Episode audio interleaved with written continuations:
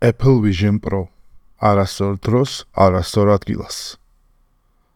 უდაოა ის ფაქტი, რომ მსგავსი სირთულის და ტექნოლოგიური წიწვლის მომწყები იშვიათად გამختარვართ. თუმცა ამაში ბევრი არსებული VR AR ჩაფხუტის მომხმარებელი შეიძლება შემედაოს. Apple-ის WWDC 2023 მიმართვაში კრინტი არავის არ დაუძრავს ხელოვნური ინტელექტის შესახებ. მაგრამ 1 საათის განმავლობაში ვისმენდით ამა თუ იმ არსებულ პროდუქტში, როგორ დაამატეს ინტერაქტიული ვიჯეტების, შპალერების და სტიკერების ხარდაჭერა. კიდევ 1 საათი დაეთმო ახალ პროდუქტს, რომელიც Apple-ის აზრით მომავლის კარებს გაგვიხსნის. კაცობრიობის სწრაფა შევისწავლოთ ყველაფერი. გავცდეთ ჩარჩოებს, გავიჭრათ კოსმოსში და გავიხედოთ მის ფარგლებს მიღმა, რატომღაც შემოტრიალდა და ნაცვლად იმისა, რომ მოვიხსნათ ბუნებრივი ჩაფხუტი, რომელსაც ჩვენი სხეული ქვია და თავისი შეზღუდული ხუთი გზნობით და გავიხედოთ ობიექტურ სამყაროში, გთავაზობენ ამ სხეულს და გზნობებს კიდევ ერთი ფენა დავამატოთ და ჩავიძიროთ კიდევ უფრო ღრმად ჩვენს მიერ შექმნილ ვირტუალურ თუ დამატებით რეალობაში. მეტასგან განსხვავებით, რომელმაც ოკულუსი შეიძინა და ათეულობით მილიარდი ჩარეცხა უაზრ მცდელობაში კაცობრიობა ახალ სიმულაციაში ჩაეთრია, Apple-მა საკუთარი მოწყობილობის შექმნა გადაწყვიტა. ჯერ კიდევ Steve Jobs-ის კომპანიაში საკუთარი soft-ი და საკუთარი hard-ი წმინდა პრინციპია და უმეტეს შემთხვევაში ეს ამართლებს.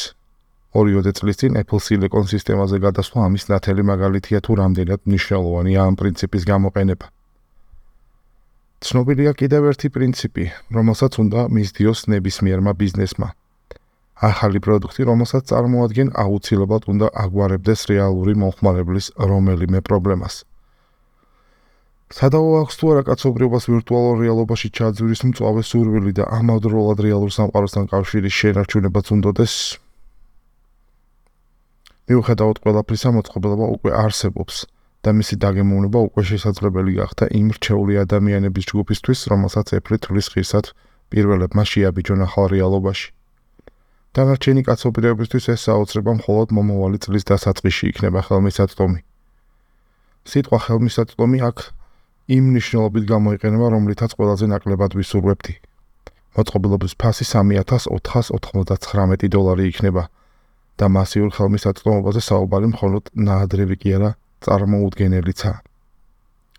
დაახლოებით იგივე ფასად შეიძლება MacBook Pro-s, iPhone-ის და iPad-ის შეძენა და შეიძლება უფრო პროდუქტიულობით ვიყოთ რეალურ სამყაროში ვიდრე ვირტუალურში.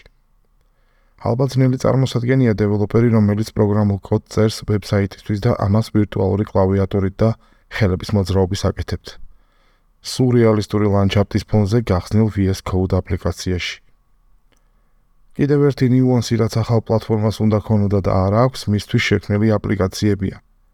რა თქმა უნდა, არსებული აპლიკაციების გაშვება ის შესაძლებელია, მაგრამ რეალურად ვირტუალური გარემოსთვის შექმნილი აპლიკაციები ჩემი აზრით სამაგიდო და მობილური პროგრამების უშველებელ სივრცეში გაწერილი რეპრეზენტაცია არ უნდა იყოს. მოვალოდი ახალ კონცეფციას, რომელიც ვირტუალურ სამყაროში გადასვლის უპირატესობას გაუსვამდა ხას. თუმცა ახაც იმედგაძრუებული დავრჩი. აქცენტის გაკეთება თამაშებზე პრეზენტაციისას არავის გამორჩენია და Unity-ს მხარდაჭერაზე ისაუბრეს. თუმცა Epic Games-ის Unreal Engine, რომელიც არანაკლები ტექნოლოგიური საოცრება ამ პლატფორმაზე persona non grata იქნება. შეგახსენებთ, ამ ორმა კომპანიამ ფული ვერ გაიყო ერთმანეთში და თერმობირთვulis სასამართლოს გზით განაგრძობენ ურთიერთობას.